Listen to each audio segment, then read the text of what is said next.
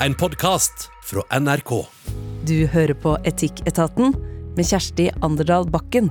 Det er flere som kjenner at det lugger i moralen når VM i Qatar setter i gang. I Etikketaten i dag så skal vi ta tak i fire etiske dilemmaer fra idrettens verden. Første spørsmål kommer fra en far som boikotta VM. Men hvordan hva skal han si til den fotballinteresserte sønnen på seks år? Og så skal det handle om overtru. Om Ole Kristian ikke har på seg det svarte og hvite skjerfet på tribuna, så føler han at det kan være hans skyld at Rosenborg taper kampen. Hvordan kan en som ikke har tru på høyere makter, ha så sterkt tru på et skjerf? Her, sammen med meg, så sitter altså en gjeng som har brukt eh, flere timer på fotballstadioner enn eh, de fleste. Mina Finstad Berg, du er fotballekspert i eh, TV 2. Hvor var fotball for deg da du var seks år?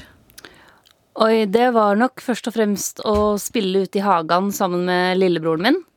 Uh, og ikke minst oppe på Sætra, uh, hvor vi var alle verdens største fotballspillere mellom hytteveggene der. En veldig sånn uskyldig uh, fotballverden. og så skal det også sies at jeg er jo så heldig at jeg er født i 1989. Så i min barndom så var fotballens verden en verden der Norge var dritgode, både på dame- og herresida. Damene er vi jo vant til at er gode, men på den tida så var jo gutta også gode. Så jeg vokste opp med å tro at Norge var en stor fotballnasjon, rundlurt av Drillo og Eggen og et damelandslag som feide all motstand av bana. Karen Espelund, også her i panelet i dag, fotballbautaen som bl.a. har sittet i Uefa-styret og vært sjef for Norges Fotballforbund. Hvilket forhold hadde du til fotball da du var seks år? Da spilte jeg masse fotball med gutta i gata, fordi vi var to jenter som var med. Og på den tida så var det ingen som sa noe om at det var rart at jenter spilte fotball, for det syns jo ikke mine Eh, naboer og barndomsvenner på ingen måte. Så der var jeg når jeg var, var, seks år, og det var jo da lenge før Fotballforbundet anerkjente at jenter skulle spille fotball, for dette var tilbake i 67. Mm. Og uh, offisielt så ble jo fotballen først måtte anerkjent av NFF da, for jenter uh, i 76. Så der var jeg når jeg var seks år. Og så hadde jeg noen litt andre roller i den fasen Mina snakka om da. Da satt jeg stort sett på tribunen og beit i rekkverk og knoker og alt mulig, for jeg kunne ikke påvirke, men jeg satt og så kampene live ofte. Steffen Borge, filosof, og i fjor så ga du ut ei bok om fotball og filosofi. Hvor langt tilbake går de fotballinteresse? Nei, den går tilbake til jeg kan huske. Um, og uh, jeg er som Mina her uh, verdensmester på egen plen ganske mange ganger. Uh, selv om Norge var veldig dårlig da, selv om vi hadde Halvard Thoresen, så jeg har vunnet VM for Norge utrolig mange ganger. Gjerne kommet inn på overtid, 2-0 nede kanskje. Et hat trick på overtid. Det, det, det, har skjedd et par ganger. Mm, deilig følelse. Samle på fotballkort. Um, spille på det lille laget mitt, IL-Skrim i Kongsberg. Uh, utklippsbok med Liverpool. Var, uh, det, var det var det jeg gjorde. Fotball, skole, sjakk. Og Vi skal altså starte med dilemmaet fra pappaen som skal boikotte VM her i Etikketaten i dag. Og du som hører på, hvis du har et dilemma, enten fra eget liv eller som du ser i media som du vil at vi skal diskutere, så kan du sende oss en e-post til etikketaten krøllalfa nrk.no. Og her står det i e-posten vi har fått. Hei, jeg har en seksåring som er veldig opptatt av fotball. I sommer førte han spent med på fotball-EM for kvinner. Snart er det fotball-VM for herrer i Qatar, og han eh, gleder seg. Jeg er en av de som vil boikotte dette mesterskapet, og jeg lurer da på hvordan jeg skal balansere mine prinsipp med fotballgleden til sønnen min. Kan jeg fortelle han hvorfor jeg er så kritisk til VM, og prøve å få han fra å se? Eller skal han få sitte i sofaen og kose seg med kamp etter kamp? Til opplysning så er han jo bare seks år, så den minste prat om krig og elendighet gjør han veldig bekymra og engstelig. Med vennlig hilsing fotballpappa. Er det noen her som skal boikotte VM? Steffen? Jeg har tenkt å la være å se, ja. Du skal det, ja? Nei, jeg kjenner et, Det er et ubehag, og jeg er sint. Jeg kjenner at jeg er, jeg er ordentlig ordentlig sint på Jeg var sint det øyeblikket de fikk VM. Med en gang tenkte jeg det her går ikke bra. Og, og hvordan skjedde det her? Og jeg kjente liksom Den har sittet der hele veien, og så kommer disse rapportene. også, og så forskjellen fra nå og Russland, syns jeg, er at uh, Russland er et land vi ikke liker. Men hvis vi ikke skal leke med land vi ikke liker, og folk som ikke er enige med oss, så kan vi ikke ha et verdensmesterskap med verden. Men stadionet er bygd på død. Altså, dette VM-et er de, de dødene er en del av VM. Og det gjør forskjellen for meg.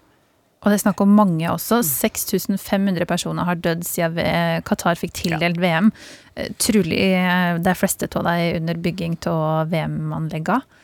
Em, men hvordan hadde du reagert da når du var liten, og du, hvis foreldre hadde sagt du får ikke lov til å se VM i Argentina Ja. da du var Nei. yngre? Hvis min foreldre ikke hadde latt meg få se på Argentina 78, ikke latt meg få sitte oppe seint på kvelden når Argentina sensasjonelt slo Peru ikke sant, med fire-fem mål, da hadde, hadde de hadde kommet opp i jule, jule, julemiddagene fremdeles. Altså. Det er tre akevitt, det. Og så hadde det vært den der, du, det derre VM som ikke jeg fikk sett. Alle gutta sier at det var det beste VM noensinne. Så, så, så jeg, jeg, jeg ville latt, jeg ville latt han se, og så eventuelt vente til, til guttungen kommer og spør hvorfor ser ikke du på pappa. Det ville være eventuelt en sånn type at, at Tenker jeg, da. Skal du boikotte karen? Nei, jeg kommer ikke til å boikotte eh, og se på sjøl. Eh, men jeg, i tillegg til interessen for så vidt for fotballen, så er det jo også for meg kjempeinteressant å se hvordan TV 2 og NRK, da, eh, rettighetshaverne, nå har tenkt også å ta det journalistiske. For det ligger jo et potensielt eh, kritisk journalistisk blikk som vi har store forventninger til. Men det er jo ikke noe tvil om at hele den saken og det at vi igjen sitter og diskuterer Qatar, ene er jo at det illustrerer hvor skandaløs tildelinga i sin tid var, i 2010. Men det andre er jo også noe om hvilken, hvilken posisjon fotballen har til å sette eh, sette dagsorden. Ikke sant? Det har ikke altså Oljefondet med sine investeringer får et lite oppslag om ja, de vurderer hva de skal gjøre, om de skal trekke seg ut eller ikke, men gjør det ikke fordi de skal påvirke. Sant? Så det sier jo noe om den enorme krafta fotballen har til å sette en dagsorden. Og jeg har jo forventninger til, til aktørene her, altså særlig NRK TV 2, om den journalistiske tilnærminga som gjør at vi faktisk lærer noe, at, og at det blir brysom journalistikk. Det har jo allerede vist seg i opptaktene nå, at uh, Qatar betrakter jo som brysom journalistikk. Men jeg ville ha benytta anledningen her, eh, når seksåringen eventuelt hadde spurt ikke sant, sin pappa hvorfor, hvorfor kikker du ikke på, så er det en anledning til også å si noe om en seksåring. Jo, for det her er et land som, som ikke lar folk få lov til å være glad i det de vil. Her er et land som ikke har altså det, Dette skal kreve en pedagogisk innpakning for en seksåring, men det er en mulighet til å også gi noe uten å bli sånn overmoraliserende ikke sant, i tilnærming, men, men nettopp Jeg ville ha gitt et litt annet type svar, kanskje når spørsmålet kom 'Hvorfor ser du ikke på pappa?' Og det, det er ikke uten grunn at det er etikketaten og det moralske spørsmålet her, og det er vanskelig. Så det smaker litt bittert av å se på det for det også, tenker du? Det gjør det. Ja, i høyeste grad. Mina, um, den eh, ballen med den journalistiske dekninga som du fikk fra karen her, den, eh, den går i dine hender, fordi du skal dekke VM for eh, TV 2. Mm, det skal jeg. Uh, og det blir en krevende oppgave. Uh, på, fordi vi må dekke dette mesterskapet her på en helt annen måte enn det vi kanskje har dekka tidligere mesterskap på. Eh, jeg er jo så heldig at jeg er jo, i tillegg til å være fotballekspert i TV 2, så er jeg også sportskommentator. Og det er litt sånn, Den forskjellen er ikke så åpenbar for alle, men jeg kan forklare kjapt at altså, sportskommentatorene det er de av oss som mener ting om idrettspolitikk eh, og om etiske spørsmål og eh, bærekraft og alle mulige sånne Alt det sosiale rundt idretten, både i Norge og internasjonalt. Og til forskjell fra f.eks. journalister og reportere som først og fremst skal rapportere objektivt uten å mene noe, så har jeg mandat til å mene ting om idrettspolitikk. Eh, og under det mesterskapet her så skal jeg kun være sportskommentator og ikke fotballekspert. Eh, I sommer under fot eh, fotball-EM så var jeg jo fotballekspert og satt i studio og snakka om formasjonsendringer og liksom kåra de beste målene og sånn. Det skal jeg ikke gjøre under VM i Qatar. Da skal jeg ha fokus på det politiske, det humanitære og menneskerettighetene rundt det mesterskapet her. Eh, Hadde det vært vanskelig å være objektiv i det her mesterskapet? Eh, altså, jeg er jo ikke journalist heller, da, så jeg har jo på en måte aldri stått i den skvisen hvor du skal eh, være Jeg mener det er forskjell på å være objektiv og å være nøytral. Aldri, man skal jo prøve å forholde seg objektivt til ting, men, men det betyr ikke at man skal være nøytral. Og som sportskommentator, og for så vidt fotballekspert, så har jeg jo nettopp lov til å ikke være nøytral, men å, å ta tydelige standpunkt. punkt, Og for meg altså jeg, jeg skrev min første liksom, eh, kronikk eh, om Qatar-VM Det er nesten ti år sia. Eh, så jeg har jo skrevet og meint veldig mye om dette mesterskapet i snart et tiår. Og da ville det vært veldig rart å skulle slutte med det nå. Ikke sant? Men da tenker jeg at eh, jeg heller vil prøve å bidra med akkurat den dekninga som mange eh, ønsker seg, da, som også setter fokus på alle de problematiske sidene ved det mesterskapet her. For det er mange av dem. Så jeg skjønner jo denne pappaen som eh, sitter litt med sånne kvaler nå på, på hva han skal gjøre. Så tror jeg at Jeg tror også at det er en ålreit anledning til å faktisk prate med en fotballgæren seksåring om alle de folka som har lyst til å utnytte at fotball er så populært, og at det er så mange som er så glad i fotball. Jeg kommer sjøl fra et hjem hvor vi Jeg så nyhetene fra ganske ung alder og hadde foreldre som snakka veldig åpent med meg om eh, det som skjedde i nyhetsbildet, og tror det var bra. Og så må man sjølsagt tilpasse eh, hvor detaljert man er og hvilket nivå man legger seg på til aldersgruppa.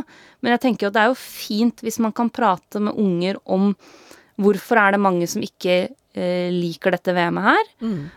hvorfor er det mange som eh, mener at VM aldri skulle vært i Qatar? Eh, og at man kan bruke den anledninga. Fordi dessverre så tror jeg at dette blir ikke første gang vi står i det dilemmaet her. Jeg tror at eh, autoritære regimer kommer til å prøve å liksom spise seg enda mer og mer inn i fotballens verden. Jeg tror Saudi-Arabia kommer til å komme for fullt nå. Eh, Jeg har hørt flere kloke folk peke på at det er et liksom, maktvakuum i idretten nå etter Russland, fordi de har blitt kasta ut overalt. Og at Saudi-Arabia er ganske gira på å fylle det vakuumet. Og Qatar er ille, men Saudi-Arabia er verre. Det interessante er jo der, for både Uefa og Fifa har nå ganske stramme tildelingskriterier hvor menneskerettigheter er tatt inn. Mm. det har vært noe av lærepengene. Og da kommer jo den store syretesten. Bruker de det da, når de kommer som søker? De bør jo avvise som søker. Altså ikke engang komme til voteringsbordet. Mm. Det er jo det som blir spennende å se om, om institusjonene tør nå. Og det er jo et eh, eget eh, dilemma, egentlig. Hvem skal ha eh, makt og muligheten til å bli tildelt et mesterskap i, i fotball.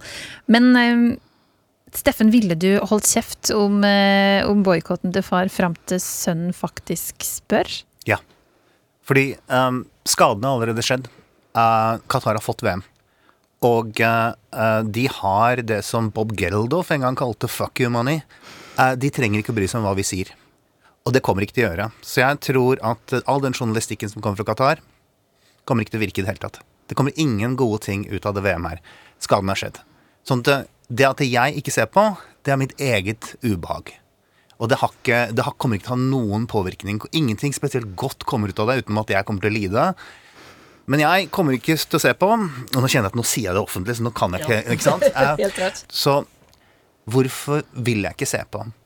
Og det er fordi at fotball er et spill som Måten vi ser det på, så hvis folk dør på banen, så bryr vi ikke oss lenger. Det, vi kunne gjort det, men vi gjør det ikke. Vi er ikke sånn. Og det forteller oss noe om hvordan vi ser på fotball. Så når Christian Eriksen fikk eh, hjertestans i parken, så stoppa vi og spilte. Ikke sant? Jeg satt og så på det i England, og i BBC Studio så sier Gary Lineker Football doesn't matter now, does it? It really doesn't. Og Chess Fabregas svarer Det var akkurat det jeg tenkte på også. Vi blir minnet på at det bare er et spill. Ikke sant? Hvis vi hadde rulla Eriksen til side og fortsatt å spille, så hadde mange slått av TV-en. Spørsmålet er Ruller vi de fremmedarbeiderne som har dødd i Qatar, bare for at de døde før sendingen startet, til side og fortsetter VM? Og jeg tenker Nei, vet du hva? Jeg vil ikke det. Det, det, det, det kjennes at det er strider mot den måten vi ser på fotball. Ikke sant? Fotball er noe annet. Det er ikke et livs- og dødsspørsmål. Det er noe annet. Og når liv og død står på spill, så trumfer det verdien og engasjementet i fotball. Og det er det ubehaget jeg kjenner på å skulle se på, fordi media var så flinke, og særlig det siste, å minne meg på disse stadionene, dette arrangementet, har blitt arrangert med 6500 dødsfall. Som antageligvis er veldig konservativt. Sikkert nok. Ja. Men når eh, da sønnen sitter i sofaen og ser på VM-et, som, eh, og far sitter på kjøkkenet og prøver å ikke følge med og gjør noe annet, eh, og sønnen kommer bort og spør pappa hvorfor ser du ikke på fotball-VM. Er det ikke en fare for at forklaringa hans da kan drepe litt av fotballgleden til sønnen, kanskje? Bare noe er lystig? Jo, dette er, dette er virkelig et dilemma, ikke sant. Det er eh, Du risikerer det. Det krever kløkt, og det krever pedagogisk tilnærming ikke sant, på akkurat det. Um, men det lar seg gjøre. Det lar seg gjøre litt som Mina var inne på også. ikke sant? Eh, Hvorfor er det så stor debatt om dette mesterskapet, og pakke det litt type inn som forklaringsfaktor i det? Men, men det er en eh, Ja, det, det er ikke enkelt. Nei, Det går jo an å pakke inn ordene sine litt, da. Mm. Ikke sant? Altså, og uh, mitt første VM er jo da Argentina 78. Og vi visste jo ikke at uh, under de stadionene Så lå det ja, så, så, så var det torturkamre. Nå er ikke, var ikke de stadionene bygd på samme måten, men det er klart at eh, eh, jeg kjenner til argentinere som mente at det VM skulle aldri blitt spilt. ikke sant? Jeg er ikke sikker på om jeg var så veldig glad om mine foreldre hadde liksom lagt ut i detalj Om til meg- torturkamrene? Ja. Men hvis de på en måte hadde boikottet visste om dette her, da, og, og jeg hadde spurt, så går det jo an å svare uten å gå i de grusomme detaljene, ikke sant? Slik at eh, et barn forstår jeg er uenig i noe, men jeg får lov til å se på hvis jeg vil. Mina, du har uh, små unger sjøl. Har du forslag til hva pappa kan si sånn konkret? Dattera mi er jo fortsatt ikke fylt to år, så hun er jo foreløpig lykkelig vitende om eh, alt det her. Hun er dog, har lært seg ordet fotball og er veldig glad i både sparke og se på, på fotball allerede. Et viktig ord i familien. Ja, eh, selvfølgelig. Det var barnslig glede å spore hos begge foreldrene første gangen hun sa fotball. Det, det skal jeg innrømme. Nei, altså, jeg, for det første så ville jeg øvd, faktisk. Jeg, jeg ville prøv, prøvd meg fram med orda på forhånd for å, å merke litt ok, hvor langt skal jeg gå, hva skal jeg si, hva skal jeg ikke si. Men jeg tenker at man kan prøve seg med noe av retning av at um, det er veldig mange, også pappa, som mener at det er feil at det VM-et her spilles i det landet som heter Qatar. Eh, Det er fordi i Qatar så er det veldig mange mennesker som ikke har det så ålreit. Eh, Og veldig mange av de som har jobba med å bygge alt som trengs til det VM-et her. For eh, vi snakker mye om VM-stadionene, men hovedandelen har jo ikke jobba konkret på stadion. Veldig mange har jobba med å bygge veier og T-bane og hoteller og alt mulig som trengs for å få et VM eh, til å flyte, liksom. Og så at ma veldig mange av de som har jobba med å bygge alt som trengs til VM-et her, de har hatt det veldig kjipt. Og de har blitt behandla dårlig og urettferdig. Eh, og det er også et land som, eh, hvor folk ikke får lov til å si hva de vil. De får ikke lov til å være glad i den de vil. Eh, og for eksempel damer eh, blir behandla som mindre verdt enn menn. Å ta, ta litt den linja. Og så tror jeg ikke man skal gå inn i korrupsjon og alle den biten der, og på en måte storpolitikken i Fifa og sånn. Det tror jeg blir for eh, drøyt. Men jeg ville kanskje også prøvd å komme inn på at veldig mange er kjempeglad i fotball, akkurat sånn som du er. Og fotball er superpopulært i hele verden. Og nettopp fordi fotball er så populært, så er det en del folk som har lyst til å bruke fotballen. Eh, fordi det er så mange som har lyst til å se på. Eh, og derfor har ikke pappa lyst til å se på VM, for han har ikke lyst til å være en del av det. Eh, men altså, ta, dere skjønner litt hvor jeg vil. ikke sant? At kjøre litt det sporet. Jeg tror det er mulig å snakke med en seksåring om de tinga her. Og så går det an å si hvis vi hadde bodd i Qatar, så hadde ikke mamma fått lov til. Ikke sant? Da måtte vi også videre. Eh, så det går an å lage noen sånne type bilder som kanskje kan, kan gå inn i, i, i seksåringens eh, referanseramme på et vis. da. Og så høres det ut som at pappaen har bestemt seg for å, for å boikotte, men sønnen og pappaen kunne jo potensielt hatt det veldig hyggelig når de hadde sett på kamp etter kamp i det her eh, VM-et. Er liksom hans eh, prinsipp mer verdt enn de eh, hyggestundene der, eh, Steffen? Nå har ikke jeg barn, da, så um, jeg vet ikke. Um, Er det noe som kunne fått deg til å sette VM? det kommer an på han, da. Det kommer an på hvordan han føler det. Det er åpenbart at uh, han skaper mer glede og lykke i verden ved å se på kampene med sønnen sin, fordi skadene har skjedd, og Qatar er untouchable. De har for mye penger. Det er, ikke, det er ingenting vi kan gjøre. Dette er en gruppe land som jo ikke sant, dreper folk i ambassadene sine, blir tatt, og ingenting skjer. Hva tenker du, Karen? Burde pappaen ta seg sammen for å ha det hyggelig sammen med sønnen sin? Å, jeg syns det er kjempevanskelig. Eh, jeg, klar, jeg klarer egentlig ikke å ramme det bedre inn enn enn at han eh, benytter anledningen til litt forklaring på hva det dreier seg om. Kanskje, kanskje vil også lagene, i hvert fall de nordeuropeiske, ha noe symbolikk. Det kan være kapteinsbånd, det kan være andre typer ting, som også gir en anledning til å diskutere det. Da må en jo se det, da. Ja. Eh, men eh, det er en eh, veldig vanskelig vurdering på det her. Men du har nok rett i det at sønnen hadde nok satt pris på at pappa deltok. ikke sant? Mm. Mm. Mina, du skal få en liten sånn reklameplakat eh, til slutt. Hvor får en av å se på VM i Qatar? Ja, Det kommer jo helt an på hva, hva som er innstillinga og hva du ønsker deg. Men altså, sånn, TV 2 har jo sagt at ambisjonen vår er å fortelle hele historien om VM. Eh, og det innebærer eh, ikke bare det som skjer ute på banen, men også det som har skjedd i forkant, og det som har Det som sikkert kommer til å skje i Qatar også underveis i VM. Så ambisjonen er jo at man skal dekke hele bildet eh, av VM. Og så har ikke jeg noe behov for å prøve å overbevise folk om å ikke boikotte VM. Fordi jeg veit at for mange så mange har gått mange runder med seg sjæl inn mot det mesterskapet her. Eh, noen har landa på at de boikotter, andre har landa på at de ser på med en vond smak eh, i munnen, og noen tenker at de ser på, men oppdaterer seg også på alt som kommer av informasjon, leser Amnesty-rapportene og Human Rights Watch-rapportene og alt det der, men jeg har ikke noe behov for å på en måte prøve å, å overtale noen til å se på, fordi eh, jeg tenker at her veit folk best hva som er riktig for en sjøl. Mm. Og det har jeg ganske stor respekt for, nettopp fordi dette her mesterskapet gir oss noen helt nye dilemmaer. Og så kan man si at sånn i etterkant, da, VM 2018 i Putins Russland, som allerede fire år før hadde første gang gått inn på Krim, ikke sant, og som allerede undertrykte egen befolkning, eh, spesielt skeive, eh, osv., osv. Det var jo ikke sånn at Russland var et totalt uproblematisk land i 2018. Men i etterkant jeg tenkte at kanskje vi, vi burde nok dekka det VM-et på en annen måte òg, men Qatar-VM har på en måte blitt det fremste symbolet på sportsvasking. Mm. Ikke sant? Og, og, derfor så tror jeg også det er mange som uh, har et mye større behov for å føle at man gjør noe i forbindelse med Qatar-VM enn Altså man ser Qatar-VM Man ser ikke Qatar-VM, men man ser f.eks. Manchester City og Newcastle sine kamper. Ikke sant? Men det er litt fordi Qatar-VM Qatar har blitt et symbol på alt mange misliker med utviklinga i den moderne toppfotballen, og med den sportsvaskinga eh, som man ser fra autoritære regimer.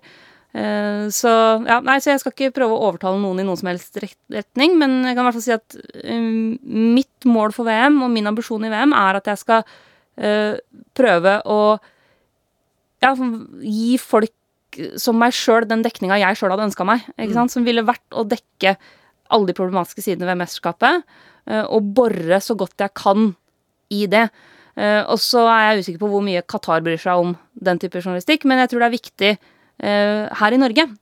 Og jeg tror det er viktig at det norske publikummet får servert mer enn pene skåringer. Også fordi at en del av målet med, med, å arrangere VM er jo å servere et polert glansbilde av et mesterskap. Så hvis vi kan bidra til å ripe opp i det polerte glansbildet, i hvert fall her i, i Norge, da, så tenker jeg at vi må prøve det. Mm. Den her heimen til fotballpappaen og seksåringen er nok ikke eneste som, der det blir litt, sånn, litt rar stemning sammenligna med under tidligere mesterskap. Vi skal videre til neste dilemma med, og det skal handle om rare ritual. Og de finnes både blant supportere og idrettsutøvere.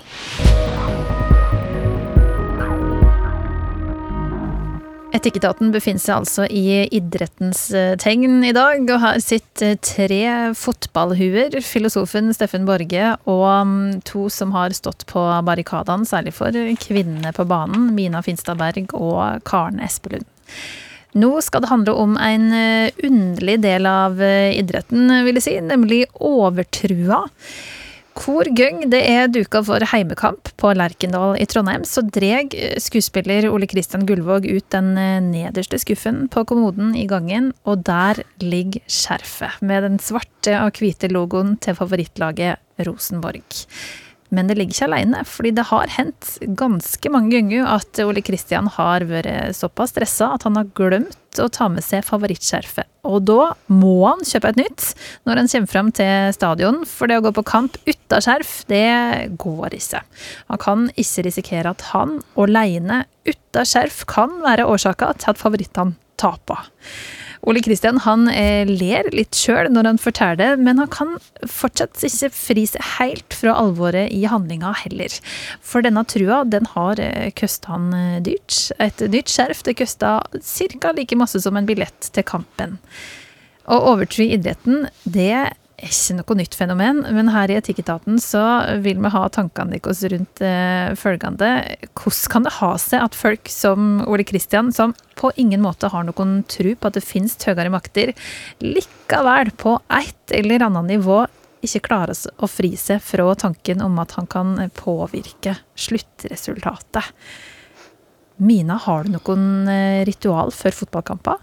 Bortsett fra å være kjempenervøs. Eh, nei, ikke noen sånne faste ritualer nå, men jeg spilte i fem-seks år med en bit sportsteip på den ene leggskinna mi. Eh, fordi jeg gjorde det i én kamp fordi jeg måtte teipe ankelen, og så hadde jeg litt teip til over, så jeg bare satte den på leggskinna. Og så spilte jeg fryktelig bra i den kampen. Det var den beste kampen min på kjempelenge. Så da fikk den teipbiten bli værende på den leggskinna. Jeg har den fortsatt hjemme, selv om jeg ikke har spilt fotball aktivt på ganske mange år nå. Eh, fordi det, man, man, blir litt rar på sånne ting eh, når det er snakk om eh, idrett. Og jeg tror jo at for veldig mange så handler det om å ha litt sånn, litt sånn faste holdepunkter, ritualer. Og for supportere så tror jeg at det handler om å føle at man bidrar med noe. Fordi veldig mange supportere har jo fryktelig sterke følelser knytta til laget sitt, og er jo kjempenervøse og oppjaga på kampdag.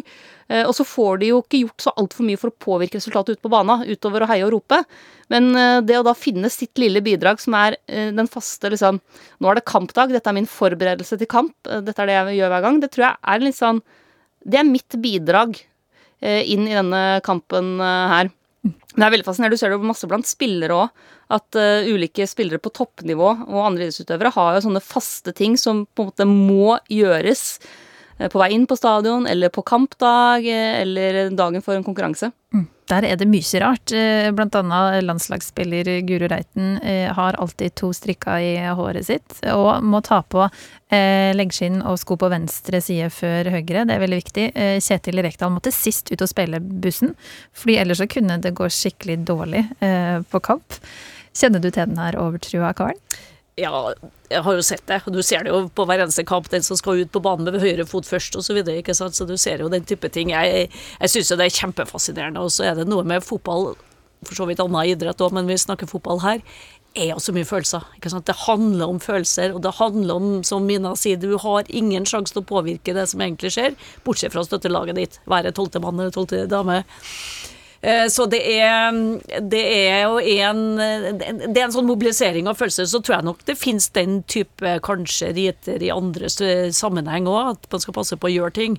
Eh, man kan jo si at deler av hele vår gamle kanskje gudetro sånn historisk har hatt den type innslag, men her snakker vi om hvordan du arter seg faktisk rundt idretten i en moderne verden. Og jeg syns jo det er helt storslagen, fordi folk, folk er jo annerledes på fotballkamp enn en hverdagen, eh, og kan ta ut både et følelsesregister og andre sider av seg selv, og med naboen, enten man kjenner naboen eller ikke. Altså den fellesskapsfølelsen som det gir. Du er en del av en, en, del av en større del, ikke sant? og et fellesskap. Der ligger det nok noe, den kombinasjonen fellesskapet og følelsessida. Men kan eh, Ole Kristian her egentlig si at han ikke tror på høyere makter, når han har så sterk tro på et skjerf? Ja. Jeg tror han, eh, jeg tror han leker. Jeg tror, jeg tror, han liker det. Så jeg er enig med Mina at, at det er en litt sånn type, type Her bidrar jeg også, ikke sant? Spørsmålet er En eller annen dag så kommer han til å komme på Lerkendal, og så er det utsolgt. Eller, eller den bilen som skulle bringe de skjerfa, uh, kom ikke. Og, og, da kommer han til å oppdage, og han veit det egentlig, det er helt greit. Og um, her er en ting som jeg Fordi uh, jeg uh, leste en sak på BBC om VM i 86. Og der eh, beskrev Argentinas lag, som visstnok etter hvert hadde altså en hel ballett av ritualer. Før den første matchen så hadde noen blitt tatt for å spise burger et par dager før, men så vant de mot eh, Sør-Korea. Hver neste kamp var de ute og brøt loven om å spise burgere. Og um, en spiller mottok en telefon klokka tolv. Han måtte få kona si til å ringe klokka tolv. Og eh, trene en så, så, Valdano klagde på det her at han sa at jeg har, jeg har all respekt for personlige ritualer, men til slutt så var det på en måte en helt vanvittig rekke. Jeg syns det er et sånn nydelig bilde. Da. Sånn, Argentineren nærmest danser en slags rar ballett før kampene. Men så tenkte jeg, når jeg leste det, så tenkte jeg Hva er den viktigste symbolet for laget ditt? Er drakta. Bytta Argentina drakt i løpet av kamp i VM? Ja. Synes det å spille noen rolle? Nei. De klarte det helt fint. Etter kvartfinalen mot England så hadde de en blå drakt som var spesialsydd for dem. Fordi kampen før så hadde de en blå drakt med Uruguay som var for tung. Syn ingen snakket om det. Og jeg tenker at eh, et eller annet sted så vet disse argentinerne at mm, It's a bit of a game. Jeg tenker meg at eh, vår mann her han, han, han, egentlig, han veit at det, det spiller ikke noen rolle, men så er det litt artig. Og så er det det lille bidraget. Så tror jeg det er en trygghet også eh, i nervøsiteten. Eh, at man eh, delvis med viten og vilje lurer seg sjøl til å finne roa eh, når man er stressa før kamp og er nervøs, ved å gjøre noe som er trygt og gjenkjennelig, som er det samme de gjør hver eneste dag. At det er en litt liksom eh, taktikk for å bryte med liksom, de negative følelser og stresshormoner og alt sånn. Så jeg tror noen av de her ritualene man finner i idretten, er også litt det. Eh, at det er en trygghet i å ha faste rutiner. Er det, men er det bare psykologi, eh, Karl? Altså, jeg hadde, som trener hadde jeg vært bekymra hvis hele laget hadde stappa fullt av, av den type ritualer som du beskriver Argentina på nå. Rett og slett fordi du ikke kontrollerer alle aspekt. Og hva skjer i hodet på den spilleren som skal ut, og ikke, ikke på en måte få gjort det en skulle. Det syns jeg er et risikoprosjekt. Så jeg laga meg aldri sånne typer ritualer som spiller sjøl, rett og slett fordi jeg var litt for rasjonell på akkurat det å si at du kontrollerer aldri alle faktorer i forkant.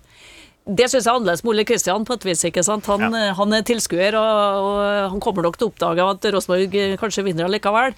Men, eh, men som spillere, og, og i de mekanismene der, syns jeg er litt sånn risikofylt. For jeg har opplevd, eh, vært ute og reist med ymse lag, også landslag over hele verden.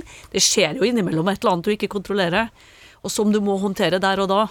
Så, så det her er eh, tvisinnet når det gjelder utøvere sjøl, eller for så vidt trenere, de som påvirker eh, og støtteapparatet hele den sida her. Og så er det jo faktisk eh, et forskningsprosjekt som har eh, funnet sted i Tyskland, som har bevist at sånne spesielle ritual før kamp for spillere kan hjelpe en med å prestere. De forska da på to grupper, der den ene gruppa fikk en lykkeball, som det ble kalt. Ellers så ble de fortalt at forskerne skulle krysse fingrene for dem. Og det ble vist at de hadde da bedre sjøltillit og gjorde det bedre i forskjellige oppgaver, sammenligna med den andre gruppa, som ikke fikk eh, noen ting. Kan Altså, du har ei tru, eh, Mina. Ei gudstru. Em, har det gjort at du presterer bedre? Eh, Det veit jeg ikke. Eh, Så jeg har liksom alltid tenkt at eh, min egen idrettskarriere nådde ikke opp i prioriteringslista. Når man skal liksom henvende seg til høyere makter, at det er det andre ting som er, er viktigere eh, enn det. Um, Men det er mange som eh, korser seg før Ja. de springer ut på banen, f.eks. altså, eh, Alle brasilianere omtrent. ja, ja, og katolsk, i katolske land så er det jo ganske vanlig. Men, men, jeg, men det er noen likhetstrekk mellom eh, på en måte fotballkultur spesielt, men også idrett generelt, og tro. Fordi det, og det er jo nettopp tro. Ikke sant? Eh, At eh, det er veldig mye man ikke vet. Man vet jo ikke før en kamp eller en konkurranse hvordan det kommer til å gå, men man har tro og håp. Og sånn er det jo litt mm, jeg i min gudstro. At, altså, jeg har aldri påstått at jeg veit, men jeg tror og håper. Eh, Så det er jo en sånn felles eh, rød tråd mellom de tinga. Men sånn type nå, da, så, så ville jeg tenkt at eh, typ Stokes trøblete sesong når ikke opp eh, hvis jeg skal be om noe, liksom. Fordi der kommer Ukraina høyere på lista. Men folk sier jo også at fotball er religion. Ja, der tar de feil. Um, Altså, du har ikke fotball som religion. Fotball er noe helt annet. Altså, altså det har Fotball har likhetstrekk med religion. Og uh, hvis vi kan på en måte gli over fra denne individuelle personen til det ritualistiske rundt fotballkampen, det er superviktig. Ikke sant? For det skaper tradisjon, og det også bygger opp og mot den, der, den, den, den, følelsen at dette spiller en rolle. Dette er viktig. Men fotball spiller faktisk ikke en rolle. Men, men, men det er så stas at vi får det til å spille en rolle, og det gir oss så mye glede. Og masse av disse tinga rundt kampen bygger opp rundt det, ikke sant? Eh, hvis, hvis Fotballforbundet plutselig hadde stilt med duskedame på cupfinalen, da hadde jeg blitt grinete. Det skal være et kjipt hornorkester som ingen egentlig hører på. Og sånn skal det være i England også, ikke sant? Og, og, og, og, jeg kjenner ikke sant, når jeg sitter foran TV-en min og Champions League-hymnen kommer, som jeg sikkert kanskje rakka litt ned på første gang jeg hørte den, litt pompøs, men vet du hva, nå har jeg blitt så vant til den. Og da kjenner jeg sånn åh, nå er det de kveldene, ja. Nå er det, nå er det mørke rundt i Europa, lyskastere og ikke sant. Og alle de tinga der er superviktige, og det bygger opp under det at vi suges inn i fotballdrama. Ikke sant? Sånn at eh, hvis vi tar vår mann med skjerfet her, så kan man si at eh, kanskje det ikke er overtro, kanskje det bare er en del av hans normale fotballrituale. Og der har vi alle fotballritualer, ikke sant? Jeg, mener, jeg syns det er kjempestas. Gått av toget på en eller annen engelsk nitrist by, nærme meg stadion, den eimen av kokende olje, ikke sant, og du bare veit Ja, nå må det bli fish og chips, ikke sant? Rett, rett i potta. To, opp to kilo. Ikke sant? Um, så det er viktig. Og det er noe du skal, skal feire, tenker jeg, for det er en del av fotballopplevelsen. Du, du tar med deg kanskje kiden din, går på McDonald's, og så går på kamp, eller du møtes med gutta og tar en øl, eller hva enn det er, ikke sant, hva du gjør. Du veit at hvis det er en søndag du ikke kan dra på, på, på, på Lerkendal, så er ikke det noe problem. Men når du kan, så har du kanskje dine ritualer. Og hans ting er å ta med seg skjerfet sitt. Det virka jo ikke som det bor så veldig masse hat i denne gjengen som sitter sammen her i Etikketaten. Men så er det jo sånn at fotballen eh, kan få fram helt andre sider eh, i folk når dommerne dommeren blåser i fløyta. Vi får se da om det er noe hat. Det er i hvert fall det det skal handle om. Og her i dag har vi altså samla en fotballfilosof, Steffen Borge, en fotballekspert, Mina Finstad Berg, og ei med ei rekke fotballverv på CV-en. Og så fikk hun også årets hederspris under Idrettsgallaen tidligere i år, nemlig Karen Espelund. Jeg heter Kjersti Anderdal Bakken. Hei, står det i e-posten Anders har sendt til Etikketaten, krøllalfa nrk.no, og han kaller seg en ivrig fotballsupporter. Jeg har ført med på fotball i lang tid, og ser at supporterkulturen her til lands stadig blir mer aggressiv. Det kan virke som at til mer hatefull og aggressiv du er, jo bedre supporter er du. Det har dukka opp ord som fotballvold, høgrisikokamp, der ekstra politi må settes inn. Supportere har sendt opp raketter utafor hotellet til motstanderlaget på natta, og dommere har til og med stoppa kamper fordi den tolvte mann bruker pyro mens spillet er i gang på banen. En sier jo at fotball er følelser, da må en regne med at en blir revet med, men det må da gå ei grense. Hvor skal denne grensa gå, og hvordan kan en hindre en hatkultur i fotballen? Helsing Anders. Steffen, fotball er følelser, ja, men um, hva føler du om supporterne fra det andre laget når du uh, går på kamp? Nei, Stort sett så har jeg ikke noe imot supporterne på det andre laget. Det har jeg ikke. Men uh, sånne Jeg har vært på et par høyrisikokamper i England, og jeg syns det er skikkelig stas, jeg. Um, det får opp temperaturen. Går, hjertet går litt fortere. Uh, men jeg er veldig glad for at politiet er der. Altså, altså for å si det sånn Og jeg syns det også er litt fascinerende å se, se, voksne folk stå og rope som ville dyr til hverandre. Dette var på Old Trafford, uh, Manchester United-Liverpool. Uh, så men det er en del av opplevelsen. Altså, altså ha en viss dose av disse ultras. Det, det, det, det, propper opp temperaturen, og igjen gjør den der følelsen at noe virkelig er på spill. ikke sant? Og så, vil vi jo da gjerne ikke at det, det, det flømmer over. Ikke sant? Og så, har jo fotballen utviklet seg i forhold til hva som, er, som vi tillater at man sier på banen. Ikke sant? Eh, det har jo alltid vært grisekjeft å få for både motstandersupportere og spillere. Eh, og så følger fotballen utviklingen i samfunnet. Og, og noen ganger så, så, er de litt i utakt. Og, og, da prøver man på en måte å, å, å få det inn. Men jeg er usikker på om, om, om, innringeren, um, han som har skrevet inn, har rett. Fordi jeg er gammel nok til å huske uh, da klanen het Apeberget og hadde et reelt rasismeproblem i Vålerenga. Og, og, det var virkelig. Og jeg har vært på kamper hvor, hvor, hvor det har vært slåssing utafor. Det var uh, Vålerenga gjorde det veldig dårlig. De rakka ned på Tromsø gjennom hele kampen fra Apeberget. Men når Tromsø tok ledelsen, og deres supportere begynte å synge nedrykk, da var det ikke like artig lenger. Da var det slåssing utafor. Og, og, og, det har jo blitt veldig mye bedre. Og der tok jo Vålerenga grep, og supporterne tok grep sjøl, ikke sant. Og, eh, så jeg er ikke kanskje, kanskje, det har blitt litt mer temperatur, og kanskje nærmere det vi ikke liker i det siste, det er jeg usikker på.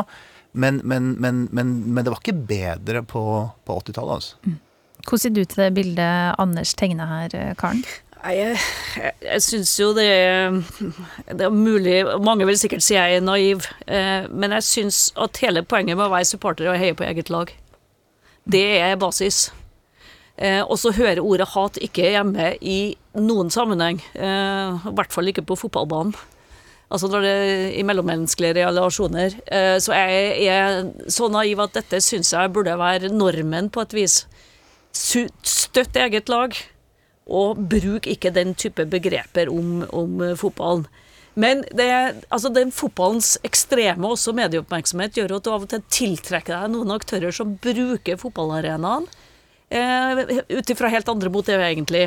Dette, hvis vi går 10-12 år tilbake i tid, kanskje også litt i ferskere tid, så, så, så, brukte de som kalte seg supportere, anledningen til å slåss. Og de var bare slåsskjempere som brukte arenaen fordi de fikk medieoppmerksomheten. Og media var dumme nok til å gå på, for de fikk til og med varsel om at da skal de og de barke sammen. Så, så det kunne være en annen grunn til å barke sammen? det var helt andre grunner, egentlig, men, men mm. det ga på en måte en type arena, og så ga det medieoppmerksomhet. Så så jeg er jo eh, generelt uh, sliter jeg jo med å forstå at du ser så mye av fotballkampen når du står inne i røyken, men uh, dette har jeg prøvd å forstå. Jeg har diskutert det med fotballsupportere både i Hamburg og flere steder for å forstå hvorfor pyro er liksom det helt store, også med kjernen det er ikke, ikke, like lett å forstå. Så det er noe med kombinasjonen av å heie på eget lag, og så er det noe med å bruke litt humor. For jeg har et godt eksempel fra, fra tida da uh, sykehusstriden sto på Nordmøre mellom Molde og Kristiansund. Og da var Molde på Lerkendal og spilte for, for, noen år siden, og da hadde altså kjernen laga et banner som det sto 'Sykehuset til Kristiansund'. Ja, bare for å terge opp eh, den Molde-rivaliseringa. Det er sånn type humor som jeg syns er helt strålende akkurat på det punktet der. Men eh, en ting som du lærer tidlig hvis du blir Rosenborg-supporter, er jo å hate Molde by, som også blir ropt eh, fra, fra supporterne. Hva tenker du om det her eh, hatet på banen, Mina, eller blant supporterne? Jeg tror at altså, vi, vi, må starte litt med utgangspunktet for fotballkulturen i Eller altså supportkulturen i fotball.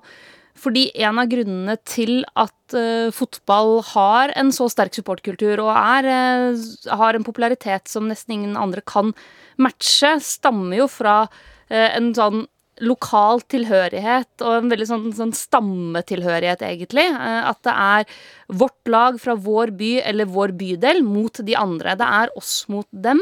Og den identiteten og det fellesskapet man har som supportere med klubben og laget og spillerne, det, det Fundamentet for det er jo en sånn vi, vi, er én gjeng mot de andre med en sånn sterk lokal tilhørighet i det. Altså, selv om fotballen har blitt veldig global og internasjonal, så er det likevel det som på en måte ligger i grunn. Uh, og det tror jeg ikke man får gjort noe med, og det syns jeg heller ikke man skal gjøre noe med, fordi um, nettopp den derre fellesskapsfølelsen er jo noe av magien uh, med å være fotballsupporter. Og jeg tror jo at hvis hvis Vålerenga og Lillestrøm ikke var et såkalt hatoppgjør, da, hvis de klubbene ikke hadde den der intense rivaliseringa, hvor mange hadde da giddet å stikke opp på Intility i pissregn i november i sur vind uh, for å se et ganske middelmådig Vålerenga-lag uh, mot uh, Lillestrøm? Det er ganske få. Så ganske mange av de som drar på stadion på de kampene, drar jo nettopp fordi det er en så sterk oss mot dem, og det er et såkalt hatoppgjør. og derfor mener jeg altså det skal være veldig høy takhøyde for hva du kan si på ei fotballtribune. Du skal kunne rope ting på, på ei fotballtribune som du aldri ville sagt til noen på gata eller på fest. Men det går noen grenser. Altså, Vold, der går åpenbart grensa. Det er ikke noe poeng å diskutere engang. fordi alle er enige om at liksom, vold har ikke noe på ei fotballtribune å gjøre, og det har ikke noe utafor stadion eh, å gjøre heller. ikke sant? Men hvis vi snakker om mer det, mer det verbale, da, Eh, det som engelskmennene gjerne kaller banter, som er noe av det er god humor, andre ting er kanskje litt mer eh, stygt, så mener jeg at den tydelige grensa går ved å sparke nedover. Eh, det går ved å sparke mot marginaliserte grupper. Og det går når du snevrer inn fellesskapet og gjør det ukomfortabelt for noen å være på tribuna. Og da snakker vi rasisme, selvfølgelig. Der har på en måte norsk fotball vært ganske gode etter hvert på å si tydelig fram at det er, det er, ikke greit. Men det er også ting som eh, homohets eh, og eh, sexistiske ting, altså fi, kvinnefiendtlige ting. Der mener jeg vi har kommet mye, mye kortere. At det er en del ting det er greit å, å si om damer på tribunene eh, som jeg mener er over streken. Og som jeg som kvinne syns er ubehagelig å høre når jeg står på ei tribune som, hvor det er eh, stort sett menn. Eh, og jeg er eh, ofte ikke, ikke i like stort mindretall nå som jeg kanskje ville vært for noen år siden, men likevel. Når, når det er ting som går på og, damer er jo ikke eh, i mindretall i Norge, men man er ofte i mindretall i fotballsettinger, da. Er det noe som, Kan du komme med eksempel, eller må vi Ja, pipe det ut? da? det. Det kan hende du må pipe det ut, men det, det får du ta i etterkant. Nei, altså, for en del år siden så skrev jeg en, en kronikk om, eller egentlig et blogginnlegg som blei til en kronikk, om at jeg hadde vært på bortetur med klanen eh, på Åråsen. Og i en buss da, som en av ganske få damer, eh, med kanskje 45 menn, så begynner de å synge eh, sangen 'Vi skal voldta deres horer'. Ja, ja kjenner den. Ikke sant? Eh, Det syns jeg er ubehagelig, som en av få damer på den bussen, å sitte og høre at folk rundt meg eh, roper det. Eh, Og jeg veit at det bare er humor. Jeg veit at det bare er kødd. Jeg veit at ingen av de gutta, mange av dem kjenner jeg jo godt personlig òg, mener det. Men det treffer meg annerledes fordi jeg er dame, enn det det treffer de gutta. Så da skrev jeg om det. Det ble en svær debatt eh, rundt det. Og eh, veldig mange sleit med å forstå at det var et problem, fordi det er bare humor. Men det er noe med å sette deg inn i at noe, det som er gøy for meg, er ikke nødvendigvis gøy for andre. Eh, og av og til kan man ha humor som andre ikke liker, og det er helt greit. Men når du går over den grensa at du sparker mot de som i denne settinga er i mindretall, eller er i en utsatt posisjon, så er det ugreit. Så den type ting mener jeg er over streken. Eh, Men at man kan slenge generell dritt og lage humor på motstanderens bekostning, det mener jeg er en helt naturlig del av supportkulturen. Og så må vi ha noen tydelige grenser.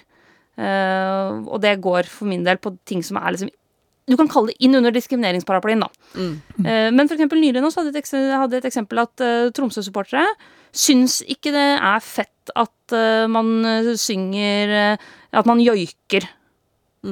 Og det er jo noe som for eksempel Oslo-folk ikke oppfatter som, uproblem- som problematisk i det hele tatt, men som i en nordnorsk kontekst er noe helt annet. Fordi veldig mange i Oslo har ikke noe forhold til konseptet samehets. Veldig mange i Nord-Norge har et ekstremt konkret forhold til konseptet samehets. Og da er det noe med å sette deg inn i at ok, det er kanskje gøy eh, for eh, supportere på Østlandet.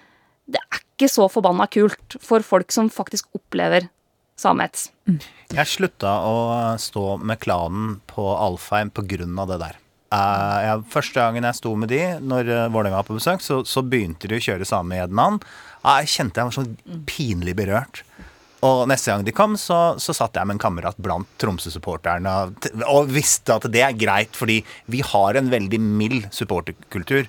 Ikke sant? At det- det å sitte med Vålerenga-skjerfet mitt når Vålerenga er på besøk, men på Tromsø-tribunen, er ikke noe problem. Ikke sant? Men det eh, dukka jo stadig opp hendelser som en nok skulle være forutta, være forutta i fotballen. Blant annet så var det et eh, masseslagsmål for uh, i, tidligere i år, da Brann-supportere begynte å slåss med en gjeng Start-supportere på en pub i Bergen. Kom inn maskerte og begynte å slåss fordi de satt der med skjerf og drakt.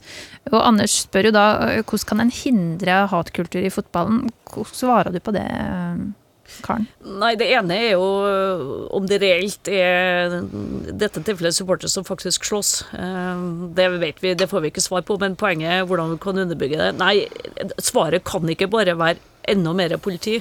Og enda mer politikostnader. ikke sant? Så her er det jo viktig at de to supportergrupperingene setter seg ned i forkant, blir enige om en del ting, selvjustisen innad. Eh, det, å luke ut den type, den type atferd og, og folk.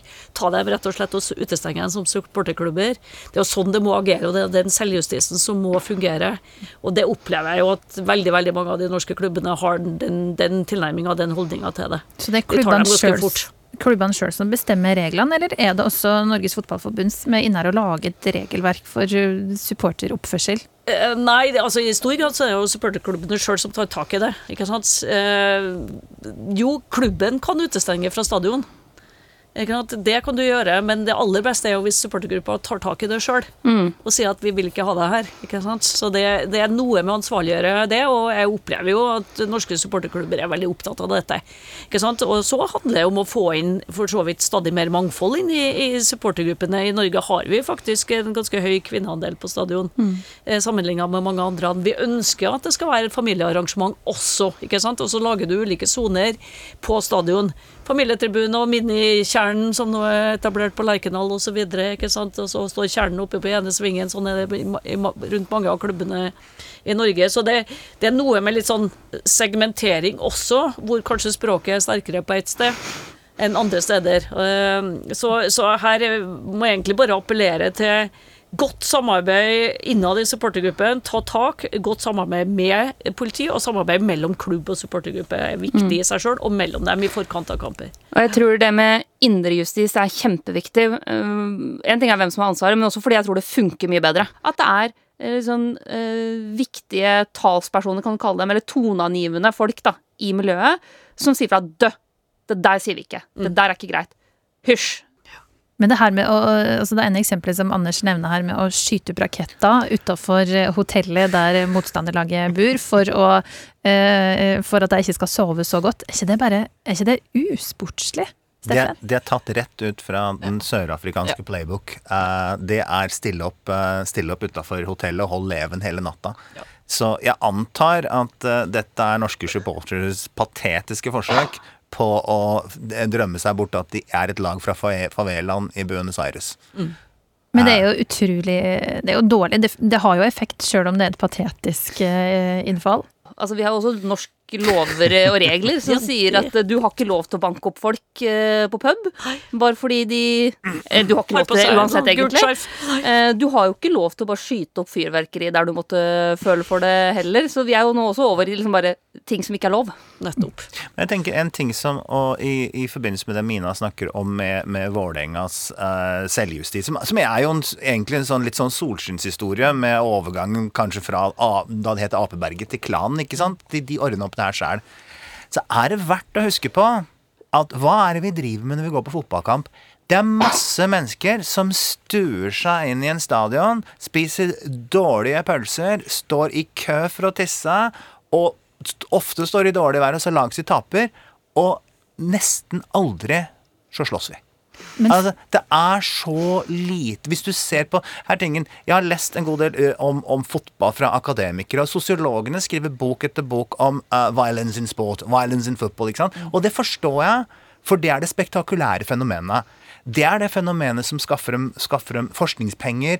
Det er det fenomenet som skaffer dem oversikter. Men det spektakulære tingen er at det er så lite vold over alle de som går på fotballkamper i verden. Eh, Og det er noe vi glemmer å snakke om, fordi vi tar tak i det vi kan forandre. ikke sant? Eller det vi vil forandre. Men eh, så er det jo likevel sånn at eh, det blir varm temperatur på stadion og utafor stadion når det er fotballkamp. Hvorfor, hvorfor trigger fotballen sånn, Karen? Nei, jeg tror Mina var inne på det i forhold til litt patriotismen, lokalsamfunn, ikke sant. Den dimensjonen. Du tar ut følelser. Det, det er et engasjement som du kan vise rundt noe i offentligheten som du ikke viser på kan Du viser på konsertarena, og det finnes noen type andre arenaer, men det er noe med igjen det fellesskapet. ikke sant? Du kommer i snakk med Hvis du står på, på bussen med, med laget ditt sitt skjerf rundt halsen, og det sitter en annen der, så begynner det, man jo å snakke sammen om man ikke kjenner hverandre. Det skaper noe sånn type identitet. Fotball er jo også en fysisk sport, eh, så det er nærvær av vold. Altså, altså det at kropper klasjer inn i hverandre, det trigger ting i, i hodet ditt. ikke sant? Altså For å si det sånn, da. Du kommer til å komme ut av en boksekamp med raskere hjerterate enn, enn, enn fra sjakkmesterskapet. Og det, det, det er jo ikke fordi at ikke sjakk er ganske intrikate saker, ikke sant? men det er ikke noe vold. Og vold er mer interessant. Vold er mer får det til å koke.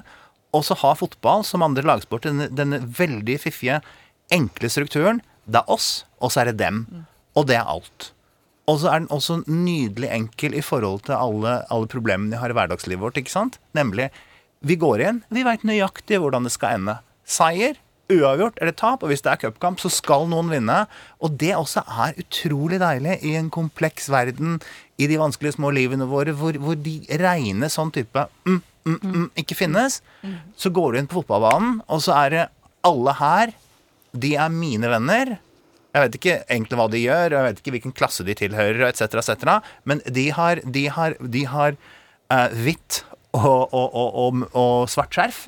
Så de er mine venner. De der borte, de har svart og gult. De er våre fiender. Eller, eller som vi liker å si, de skal vi ikke snakke om når vi synger. Og så, hvis jeg kan bare skyte en helt avslutningsvis altså, eh, Hvis vi tenker litt på mm, hvem som forma supporterkulturene eh, i fotballen, så var jo det på den tida ganske mannsdominert. ikke sant? Og hvis vi tenker på de tradisjonelle kjønnsrollene, eh, så har jo menn hatt ganske lite rom for å uttrykke følelser i de aller fleste samfunn jeg kjenner til, i hvert fall, så, så har tradisjonelt rommet for at menn er emosjonelle, eh, vært begrensa på ulike måter. Men fotballen har også fungert som et litt sånn følelsesmessig, emosjonelt fristed for mange. At der kan man eh, få uttrykk for absolutt hele følelsesregisteret. Jeg tror det også har vært med på å forme eh, hvordan fotballsupportere oppfører seg, og hva som har på en måte vært rammeverket for supporterkultur. Uh, uten at det skal liksom unnskylde noe som helst av uh, å gå for langt og hate og sånn. Men jeg tror at det at det er så, så mye følelser i, i, sving, er jo også fordi fotballtribunen har vært et emosjonelt fristed. At der kan du slippe fri alle de følelsene som du holder i sjakk uh, resten av dagen. Med fotball-VM over oss har Etikketaten inntatt idrettens verden eh, i dag. Og gjengen her er altså Karen Espelund, som har hatt ei rekke fotballverv i inn- og utland. Mina Finstadberg, sportsjournalist i TV 2. Og Steffen Borge, fotballfilosof ved Nord universitet. Jeg heter Kjersti Anderdal Bakken. Stadig så dukka det opp saker om juks i idretten i media. Og når jeg sier ordet juks, så får nok de fleste opp et bilde i huet av idrettsutøvere som har blitt avslørt for å ta snarveier. Sjakkverden har avslørt juks i egne rekker nokså nylig, og for ikke lenge siden så ble en basketspiller suspendert her i Norge, mistenkt for å drive med pengespill på basket. Og det er strengt ulovlig fordi han er redd for kampfiksing. Enten om en har drevet med juksing, kampfiksing eller eh, doping, så venta da en eh, straff. Men hva skjer så? Her i Etikketaten så spør vi altså når kan en tilgi juks i idretten? Hvilken sak er det du husker best når det kommer til juks, Karen? Eh, kanskje det, er på en måte to ting. Det ene er liksom eh, det som skjer på banen som hånda til Maradona i sin tid, ikke sant, Hansen. Eh, det er liksom den type juks, da. Eh, og så har du den andre enden av det som, som jo virkelig er en trussel for idretten hvis du ikke kan stole på et resultat. Altså kampfiksingsproblematikken som er ute av helsike. Og um, doping har også vært ei utfordring i, i fotballsammenheng, men, men uh, andre idretter har uh, hatt hatt flere saker på det, men det å ikke stole på et resultat på kampfiksingsdelen eh, har jeg levd såpass med og, og måtte ha jobb, altså med i den betydning at jeg har vært med på å prøve å finne reguleringsmekanismer, lage etiske reglement, lage strukturer som skal ta det. For det er altså virkelig mafiasyndikat som prøver å bruke fotballen på kampfiksingsproblematikk. Og um, Allerede for en 12-13-14 år siden fikk vi rapporter om at på en av juniorturnering på Hamar, sånn elite-juniorturnering for, for, gutter, så satt det folk og filma de kampene med tanke på sannsynligvis asiatisk bettingproblematikk. Altså det går så langt ned i strukturene, og dette har jo Uefa, særlig NFF, altså Fotballforbundet, jobber ganske hardt og intenst med, også fordi EU-kommisjonen har tatt tak i altså, du, du trenger sivil lovgivning rundt dette, for dette er ren kriminell virksomhet. Men hvordan funker det? Altså, de eh, bedte på eh, norske eh, ja. smålag? Ja. Legger det ut, og så prøvde du deg på kampfiksingsproblematikk også, ikke sant? For det spørsmålet lar spillere seg kjøpe opp i forhold til resultat her. Det har det jo vært episoder på. Og det er det man må, må, stoppe, fordi vi har sett det kanskje særlig en, en uh, ung jente fra Moldova som spilte på Jenter 19-landslaget til Moldova, sto fram og ble virkelig berømma, for hun sto fram og anga det hun hadde blitt utsatt for i forsøk til kampfiksing. Mm. Så, så, man går på disse litt sånn eh, Med litt penger, forsøk på å kjøpe opp. Så det er et sånn kjempedilemma inni det her, hvordan du skal ta det, for du finner deg litt brudne karet et eller annet sted. ikke sant? Og Derfor har fotballen jobba veldig med mekanismer innad på hva som er moralsk korrekt, og ikke minst har man kjørt veldig mange samtaler med disse aldersbestemte landslagene for å gjøre oppmerksom på hvordan disse mekanismene er internasjonalt. Eh, og det andre er at du trenger den sivile sida som også kriminaliserer det og faktisk tar tak i det. Så det der eh, er det jobba hardt og intenst med nå i, i 15-20 år. Uh, og jeg tør ikke si status nå, om man er kvitt det, for den risikoen ligger der hele veien. Mina, hvilken juksesak er det du husker best? Det er nok to saker fra barndommen slags ungdommen min, og det er Johan Myrlegg. og så er det Lance Armstrong. Eh, det er, de, det er jo dopingrelatert begge to, da, men det var to svære, svære saker som prega eh, min eh, oppfattelse av idrett ganske sterkt. Eh, fordi jeg var ung og veldig sportsinteressert. Eh, lillebroren min hadde jo digga myrlegg, liksom. Syntes han var superkul når han kom der ut av ingenting og bare slo alt og alle. Uh, og så er det jo de Og samme Lance Armstrong, ikke sant? han hadde hatt kreft og kjempa seg tilbake. Vi gikk jo også rundt med disse gule Livestrong-armbånda på Lillehammer, liksom, og, og heia på han. Så det er de herre illusjonene som brister. Ikke sant? For det, det, er på en måte mitt første møte, sånn ordentlig møte med systematisk juksing. Og at du føler deg forrådt av idrettsutøvere som du har sett opp til. Og utfordringa med både doping kampfiksing og også annen type juks, sånn som det med sjakken, er jo at det, det, det rokker ved idrettens troverdighet og integritet. Fordi hele grunnplanken i idrett, og at vi skal være opptatt av idrett, er jo at det er rettferdig konkurranse. Sant? Og at, skal, at den som er best, skal vinne. Eh, og da har man et sett med regler som er likt for alle, som alle skal forholde seg til. Og når de brytes, så har man altså brutt selve den på en måte kontrakten man går inn i. da i en idrettskonkurranse. Som også er en kontrakt mellom supportere og seere eh, og utøverne. Mm. det er jo ingen som har lyst til å se på idrett hvis de veit at det er rigga. Hvordan juks er du aller best, eh, Steffen? Jeg gleder meg til spørsmålet veldig, fordi at eh, alle filosofer, parodien til filosofer, er at vi sier ja, det kommer jo an på hva du mener med juks, det. Skal du kverulere på spørsmålet mitt? tingen, er at, tingen er at, disse tingene er veldig, veldig forskjellige. Men hvis du vil ha mitt personlige minne av juks, så må det være den morgenen midt på sommeren. Det var 1990, det var fin sol. Jeg har stått opp ganske seint. Jeg bodde på Grünerløkka. Jeg gikk ned og ut og skulle kjøpe Dagbladet. Og så kjenner jeg at hjertet synker og sånn der.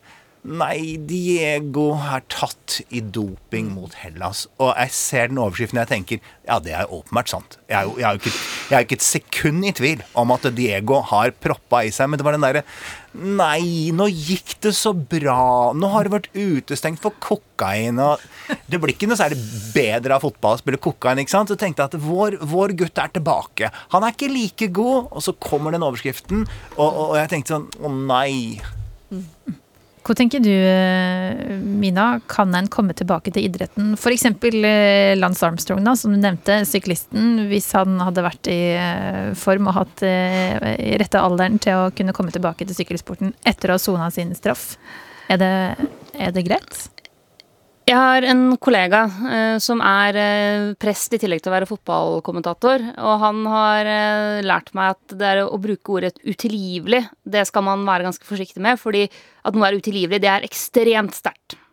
Ja, fordi tilgivelse er på en måte en Det er jo noe av det Det er jo det rettsvesenet vårt også bygger på, ikke sant? At du skal få en ny sjanse.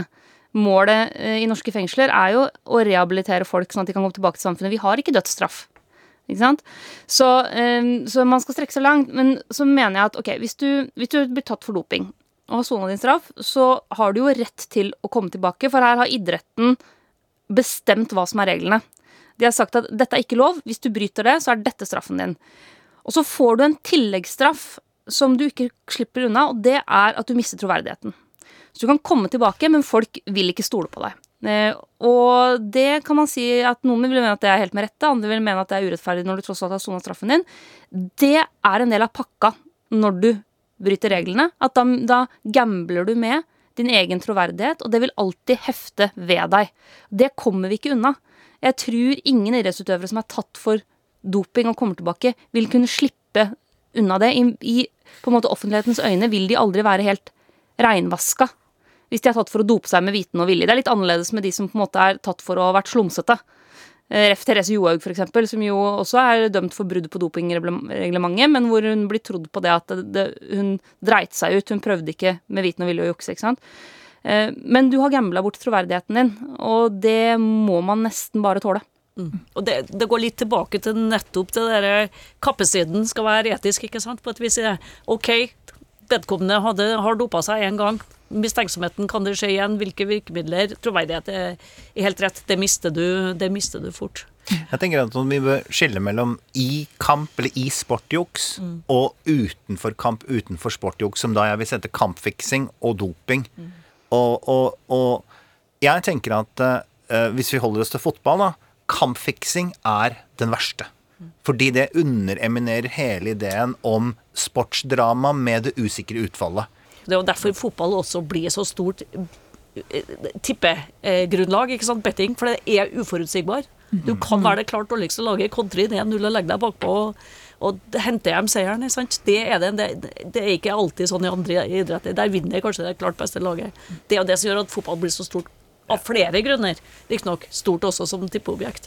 Så har du, har du litt sånn andre rare ikke-kampfiksing, da, som jeg, som jeg leser om, at spillere de setter penger på hvem som får det første innkastet. Ja. Og så passer de på å starte med ballen og, og, og, og kjøre en skikkelig dårlig, uh, dårlig pasning. Og så casher de inn. Og Og spiller ingenting rolle for, for kampen egentlig. Det er én, én interaksjon.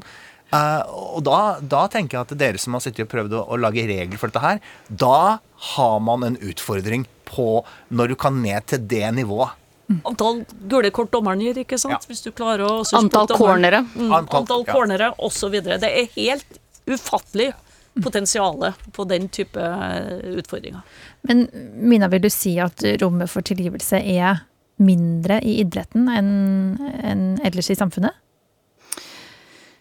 Tja, både ja og nei. Det kommer helt an på hva slags type regler du bryter. Fordi eh, idretten har jo hatt en, vist en enorm vilje til å tilgi folk for uh, dårlig oppførsel utafor idrettsbane. Uh, ikke sant? Altså at du har hatt ganske svære idrettsstjerner som har levd uh, livet sitt på en måte som vi ikke hadde akseptert av naboen. Eller av politikerne våre, eksempel, men som tilgis fordi de, har, de er så gode til å sparke eller kaste en ball eller til å løpe med eller uten ski. eh, at de tilgis nesten alt av litt sånn eh, moralsk betenkelige ting de har gjort ellers. Så jeg tror man må skille mellom det som skjer i idretten og det som skjer ellers. Eh, men jeg tror, jeg tror det kommer veldig an på hva slags type juks du er. Og så tror jeg også at folk vurderer det litt annerledes basert på ok, hvor gammel var du da du juksa? Og hvilke konsekvenser fikk det? Jeg tror det er lettere å tilgi noen som kanskje lot seg friste av et eller annet som 16-17-åringer, enn en etablert idrettsstjerne i slutten av 20-åra. Eh, og sånn, hva er konsekvensen av det? Jeg tror mange tenker at ok, en 16-17-åring sørga for at det blei mer enn ti corner i den kampen, men laget hans vant likevel, og det hadde ikke noe særlig å si. Og dette er en 16-17-åring som har en amatørkontrakt eh, og ble frista av et beløp som kunne sikre? Enn hvis en superstjerne gjør det. For det er også et viktig element at de som jukser for å bedre egne prestasjoner, enten det er med doping eller med juksersjakk eller andre ting, de fratar jo også andre muligheter, ikke sant? fordi de får kunstig gode prestasjoner. Og det går da på bekostning av andre regneutøvere. Eh, og det er også de, de utøverne som opp igjennom har fått medaljene sine i posten årevis etter et OL eller et VM. ikke sant? Du fratar jo da andre det som skal, kanskje er det største øyeblikket i karriera på det seierspodiet. Eh, og der tenker jeg Jo mer som ligger i potten, jo vanskeligere tror jeg folk har for å tilgi juks. Boikott, eh, overtro, hat og juks sto altså på vår sportsmeny her i Etikketaten i dag, og den er vi nå eh, igjennom. Panelet skal få ta turen tilbake på eh, deres egentlige arbeidsplass. Mina Finstadberg, som til vanlig er å finne Joa TV 2 som sportsjournalist. Karen Espelund, de fleste kjenner deg fra ulike fotballverv, men nå er du leder for musea i Sør-Trøndelag. Og Steffen Borge, du holder på Nord universitet, der du er filosof. Tusen takk for at jeg kom hit i dag. Og husk at du som hører på, alltid kan gå inn på appen NRK Radio og høre flere episoder av Etikketaten. Og hvis du eh, liker det du hører, så anbefales gjerne videre til en venn. Jeg heter Kjersti Anderdal Bakken, og vi høres igjen neste uke. Du har hørt en podkast fra NRK. Hør flere podkaster og din favorittkanal i appen NRK Radio en podkast fra NRK. Jeg tenker at sosiale medier kan være Altså når det er kaldt, da. Du fryser i hjel. Det fins en internett, og det fins en internatt. Ok, Velkommen til Trygdekontoret. Det har lenge tenkt sånn at som ateist så må jeg bare prøve å bli med en sekt. altså. Jeg elsker å lage fest, f.eks. Så en god sekt forlenger livet? Ja, det gjør det. altså, det der med at mennesker trenger sosial kontakt, det er bare piss. Trygdekontoret hører du først i appen NRK Radio.